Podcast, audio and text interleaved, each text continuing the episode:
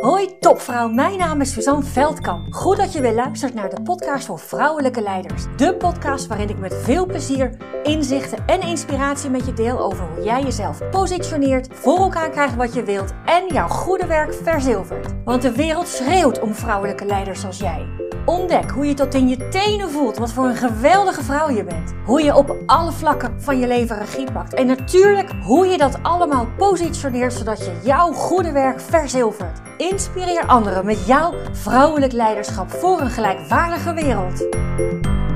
Hoi leuke vrouw, goed dat je weer luistert naar de podcast voor vrouwelijke leiders. En vandaag neem ik je mee in deel 2 van de serie Hoe de fuck vertel jij jezelf een ander verhaal? Hoe de fuck doe je dat nou toch? Nou, als je deel 1 geluisterd hebt, podcast aflevering 230, dan weet je dat ik een experiment begonnen ben. Want overal, althans van de, van de uh, allerlei uh, businessmensen, maar ook coaches, ik vertel het zelf ook, krijg je te horen op het moment dat jij jezelf een ander verhaal weet te vertellen ten opzichte van de oude versie die jou uh, niet dient.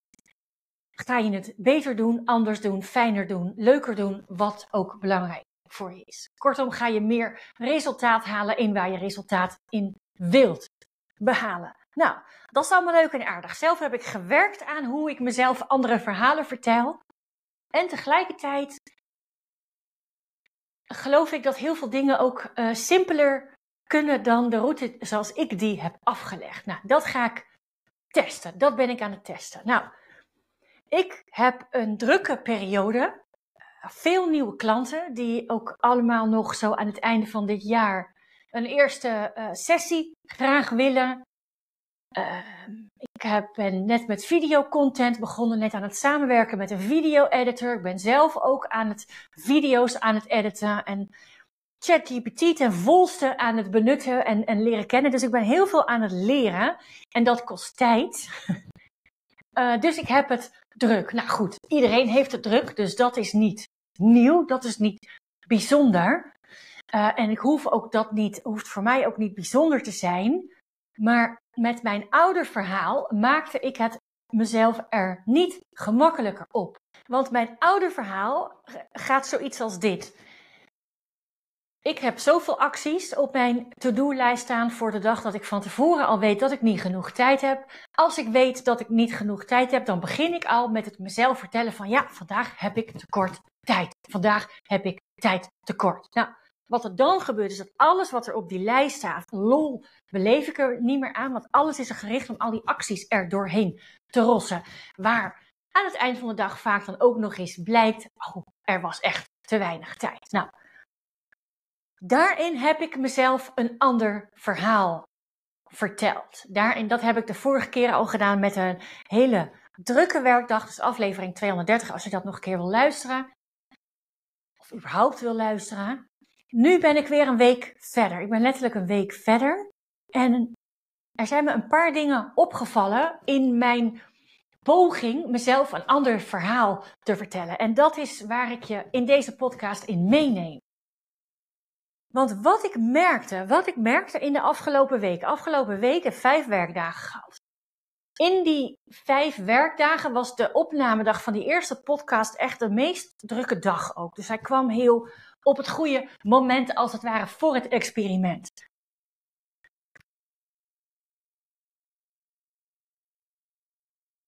Die dagen daarna, die dagen daarna zaten ook vol, maar niet zo ramvol als die eerste dag. En wat ik merkte, die eerste dag was ik heel erg gefocust op mijn nieuwe verhaal. Dus oké, ik heb heel veel te doen op een dag en als ik merk dat ik al in tekort, in tekort aan tijd ga denken, dan neem ik afstand. neem ik even rust, even stilte als dat kan. En om dan te kijken wat, wat is er echt nodig, wat kan later, wat hoeft misschien wel helemaal niet. En dat ging die dag goed. Nou, die dagen daarna, ondanks dat ik wat vooruitgeschoven had, maar die dagen daarna die waren minder rammetje vol ten opzichte van die eerste dag. En bij mij realiseerde ik me pas later, hè, bij mij zorgde dat ervoor dat ik dus eigenlijk alweer een heel stuk minder bezig was met dat verhaal wat ik mezelf vertel en het nieuwe verhaal wat ik mezelf wil vertellen. Dat ik veel meer vanuit rust uh, naar het programma van de dag mag gaan kijken. Op het moment dat je het bewustzijn verliest, op het moment dat je bewustzijn verliest, dan kan je dus niet meer kiezen, want dan doe je de dingen op de automatische piloot of, of, of natuurlijk onbewust. En dus heb je geen keuze meer. Dus in de dagen daarna merkte ik, uh, viel me ineens op, hé, hey, Suus, weet je wat jij aan het doen bent? Het heeft blijkbaar geen topprioriteit meer voor jou. Dus ik hoef er niet meer zo mee bezig te zijn. Uh, en, dus, en dus valt het toch heel gemakkelijk in dat oude verhaal. Of dat nou aan het begin van de dag is of aan het uh, halverwege de dag. Kan natuurlijk net zo goed dat je weet, ik heb nog twee uur en dat gaat niet passen in die twee uur. En dus heb ik een tekort aan tijd en dus wordt alles een moeten. En dus ram ik het er maar doorheen. Plezier is dan uh, ongeschikt. En dus dat viel mij op. Nou, wat ik daarmee heb gedaan, ik heb simpelweg een, een hoe heet dat, zo'n geeltje, een post-it op, op mijn scherm geplakt. Als ik een tekort aan tijd ervaar, dan vertel ik mijzelf een nieuw verhaal. That's it. Dat had ook gewoon een lege post-it kunnen zijn, want ik weet donders goed waarom ik hem daar opgehangen heb. Nou, dat hielp. Dat was voor mij een anker om continu eigenlijk bezig te zijn met mijn nieuwe verhaal. Hoe wil ik de, de dag, wat is mijn intentie voor de dag? Niet mijn intentie voor de dag dat ik alles als een moeten ervaar, geen plezier heb. En aan het eind van de dag nog die, die dingen niet hebben weggewerkt. Nee, ik wil gewoon met rust die dag doen. Ik vind plezier belangrijker dan een to-do die al dan niet uh, gebeurt op een dag.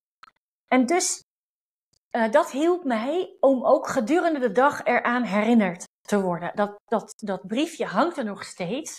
Want een gewoonte, een verhaal is ook niet in één of twee of vijf keer uh, eruit. Daar mag ik mezelf continu aan herinneren en continu mezelf dat nieuwe verhaal eigen maken. Dus dat briefje hangt er nog steeds. En dan, en dit had ik helemaal niet voorzien, want ik heb nog een ontdekking. Ik heb nog een ontdekking gedaan. Wat ik op gegeven moment merkte, wat ik op een gegeven moment merkte, is dat ik er veranderde iets in uh, zeg maar van uh, niet willen, uh, niet kunnen. Je weet waarschijnlijk al waar ik naartoe wil, dat dingen je overkomen. Naar, hé, hey, maar wacht eens even. Maar wacht eens even. Dit is voor mij belangrijk. Dit is voor mij belangrijk. Dus in één klap, en iets in mij zegt dat mijn voorgaande acties daaraan bijgedragen hebben om dit te kunnen ontdekken. Maar in één klap dat, dat die hele die volle agenda en al die dingen op de to-do-lijst en alles en, en van alles wat er dan ook nog weer eens tussendoor komt, wat dan ook heel irritant is, omdat het er tussendoor komt. Ook al zijn die dingen eigenlijk heel leuk, maar toch is het irritant omdat het er simpelweg tussendoor komt en tijd in beslag neemt. Het zou zomaar kunnen dat je me herkent, dat je dat herkent. Maar ik doe, het leek wel alsof ik aan het doen was, dat dat allemaal dingen waren. Oh, Oh, ze overkomen mij. Oh, wat vervelend. En oh, mijn dagen zitten zo vol. En oh, ik moet regelmatig s'avonds werken. En weet je, ik heb gewoon de regie over mijn eigen fucking leven. Ik heb gewoon de regie over mijn eigen werkleven. Dus ik wil geen slachtoffer zijn. Ik wil niet zielig zijn en ik wil al helemaal niet zielig doen. En het voelde ineens, en niet vanuit een hardheid, hè, want ik vind dat, uh, dat, dat soms dat soort dingen heel hard, heel hard gezegd kunnen worden. Maar voor mij, dat zo, zo voelde dat niet. Want voor mij was het ineens een switch van, hé, hey, wat gebeurt hier allemaal? De klanten, die stromen wekelijks binnen. Wekelijks nieuwe klanten. Ik heb fantastisch veel content. Ik heb zelfs een video editor ingehuurd. Die kan ik nu inhuren omdat ik daar de financiële middelen voor heb, omdat ik daar, uh, omdat ik daar uh, een visie mee heb, omdat ik daar mijn droom, mijn droom, weer een stukje van mijn, mijn grootste droom, een, een stukje daarin kan doen, hè, in plaats van deze koers. Ik kan het weer, mijn koers wat, wat vergroten. Dus ik ben helemaal niet zielig. Ik ben wel druk. En ik weet dat ik dat niet wil, want zo belangrijk vind ik het niet. Dat klinkt heel raar. Maar het, is, het, het, het, gaat niet, het mag niet ten koste gaan van mij. Het mag niet ten koste gaan van mijn werkplezier. En ten derde, als het ten koste gaat van mij en mijn werkplezier, dan gaat het ten koste van mijn bedrijf, dan gaat het ten koste van mijn missie. En dan ben ik nog veel verder van huis. Dus ineens voelde het alsof, weet je, oké, dit is aan het gebeuren. Oké, ik kan alsnog kiezen. Hè? Ik kan alsnog, um, ik kan elke dag weer kiezen welke dingen ik wel en niet doe. En dat is niet altijd even leuk om een keuze te maken, maar het kan wel. Het kan wel. En ik ben degene die dat bepaalt. Of het kan, bepaal ik. Of ik het doe, bepaal ik. Of ik er vol voor ga, bepaal ik ook. Dus, lieve Suzanne, zo heb ik me als het ware toegesproken. Het is hartstikke druk. Je bent weer heel veel dingen aan het leren in een heel korte tijd. En dat betekent dat je zo nu en dan even op andere momenten dan je graag zou willen, de dingen doet. En daar vandaan, en dat vind ik ook een hele mooie, ik vind hem een beetje, nou het kan me eigenlijk helemaal geen zak schelen of ik, of ik hem wel of niet deel, maar iets, iets in mij, omdat ik daar verder nog helemaal geen antwoord of, of bezigheid in heb, maar er is een verlangen ontstaan er is een verlangen ontstaan. Iemand vroeg laatst, was je vandaag vrij? Was op de woensdag toen ik op het schoolplein stond. En ik denk, ben, geen, ben helemaal geen dag vrij. Ik werk vijf dagen in de week en ik werk niet volle dagen. Want drie keer, drie dagen in de week ben ik, uh, stop ik om twee uur, omdat mijn kinderen dan uh, thuis zijn. En dan hoef ik dus niet meer te werken. Nou, de laatste tijd dus even wel. Dus ik ben helemaal geen dag vrij. En als de kinderen er zijn, dan zijn zij oud genoeg dat ze de hort op gaan en bellen waar ze, waar ze zijn. Maar ik ben er wel. Ik kan niet eventjes even lekker gaan shoppen of zo, want er, of dan moet ik dan weer even regelen. Dus ineens stond er een, een verlangen dat ik gewoon eigenlijk de woensdag of zo, maar gewoon even helemaal niks. Even helemaal niks. Dus onder schooltijd even helemaal niks. En nu doe ik dat op een studiedag. Dan ga ik met de kinderen op pad en dan doe ik helemaal niks, maar dat is niet waar, want ik doe dingen met de kinderen en dat, daar geniet ik intens van en ik ben blij dat ik heel gemakkelijk die keuze kan maken in plaats van mijn werkgever elke keer weer, nou ja, ze hebben iets van tien studiedagen per jaar, plus natuurlijk nog die twaalf weken schoolvakantie, dus je hebt er best wel, nou, het is, ik vond dat best wel een puzzel toen ik uh, nog een baan had. Om dat allemaal voor elkaar te krijgen met geen ouders en geen schoonouders uh, binnen handbereik. Dus nou ja, we kregen het altijd voor elkaar en nu is het veel gemakkelijker. Dus dat, dat wil ik allemaal wel, maar ik, voor mij, voor mij. En of ik dan een leuk idee uitwerk of de hele dag de hei op ga om letterlijk te wandelen. Of um, weet ik veel wat aan het doen ben. Kijk, als ik dit verhaal tot nu toe, dit e-, experiment tot nu toe, als ik daar nu een, de takeaways uit mag geven, dan Weet je, dan gaat het over bewustzijn. Het gaat over bewustzijn. Wat gebeurt er? En wil je dat wat er gebeurt? En nou, als je dan niet wil dat wat er gebeurt, dan heb je jezelf dus een ander verhaal te vertellen met bijbehorende acties. Maar als je het verhaal verandert, dan zijn je acties volg, die volgen daarop. Dat heeft mij de ruimte gegeven. Dat heeft mij blijkbaar doen ontdekken dat ik uh, niet altijd even bewust ben. Hè? En dus vandaar dat, dat geeltje om mijn bewustzijn maar gewoon aanwezig te houden. En ik weet dat dat geeltje op een gegeven moment mag veranderen in een roosje, op een andere positie. Want anders wordt dat voor mij een gewenning. Dus dan, dat weet ik van mezelf. Dus dat ga ik ook zeker doen.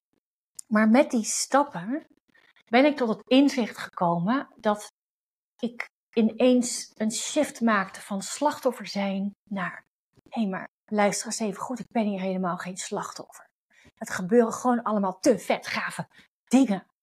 En ik heb over alles de regie. Over alles heb ik de regie. En ik bepaal of ik dat neem. En daarmee is er denk ik als het ware nog een energie vrijgekomen. Nog meer energie vrijgekomen door ja, mijn verlangen nog groter te maken. Nog meer uh, rust, nog meer uh, genieten, nog meer regelmatig landen met, nou ja, die vrije woensdag in de week. Lijkt me fantastisch. Nou, het lijkt me een heel mooi voornemen voor 2024. Dit was deel 2. Dit was deel 2 van hoe de fuck vertel jij jezelf een ander verhaal. En in dit deel is het eigenlijk wel degelijk nog over dat verhaal gegaan, maar eigenlijk veel meer nog wat er gebeurt op het moment dat je jezelf die ruimte geeft. En ik had dit niet voorzien. En toch is het aan het gebeuren. En ik ga volgende week een deel 3 opnemen, niet wetende wat daaruit komt, wel wetende dat ik wel weer volle dagen ga hebben. Tot, tot deel 3. Nog. Dank, dank, dankjewel voor het luisteren. Was deze podcast nu waardevol voor je? Heel goed, dat is precies de bedoeling. Ik zou het geweldig vinden als je iets voor me terug wil doen. Dat kan door deze podcast te delen met een vriendin in een groepsapp of helemaal geweldig op social media. En gebruik je Spotify? Laat dan weten wat je ervan vond. Dan maken we de wereld samen gelijkwaardiger. Dankjewel!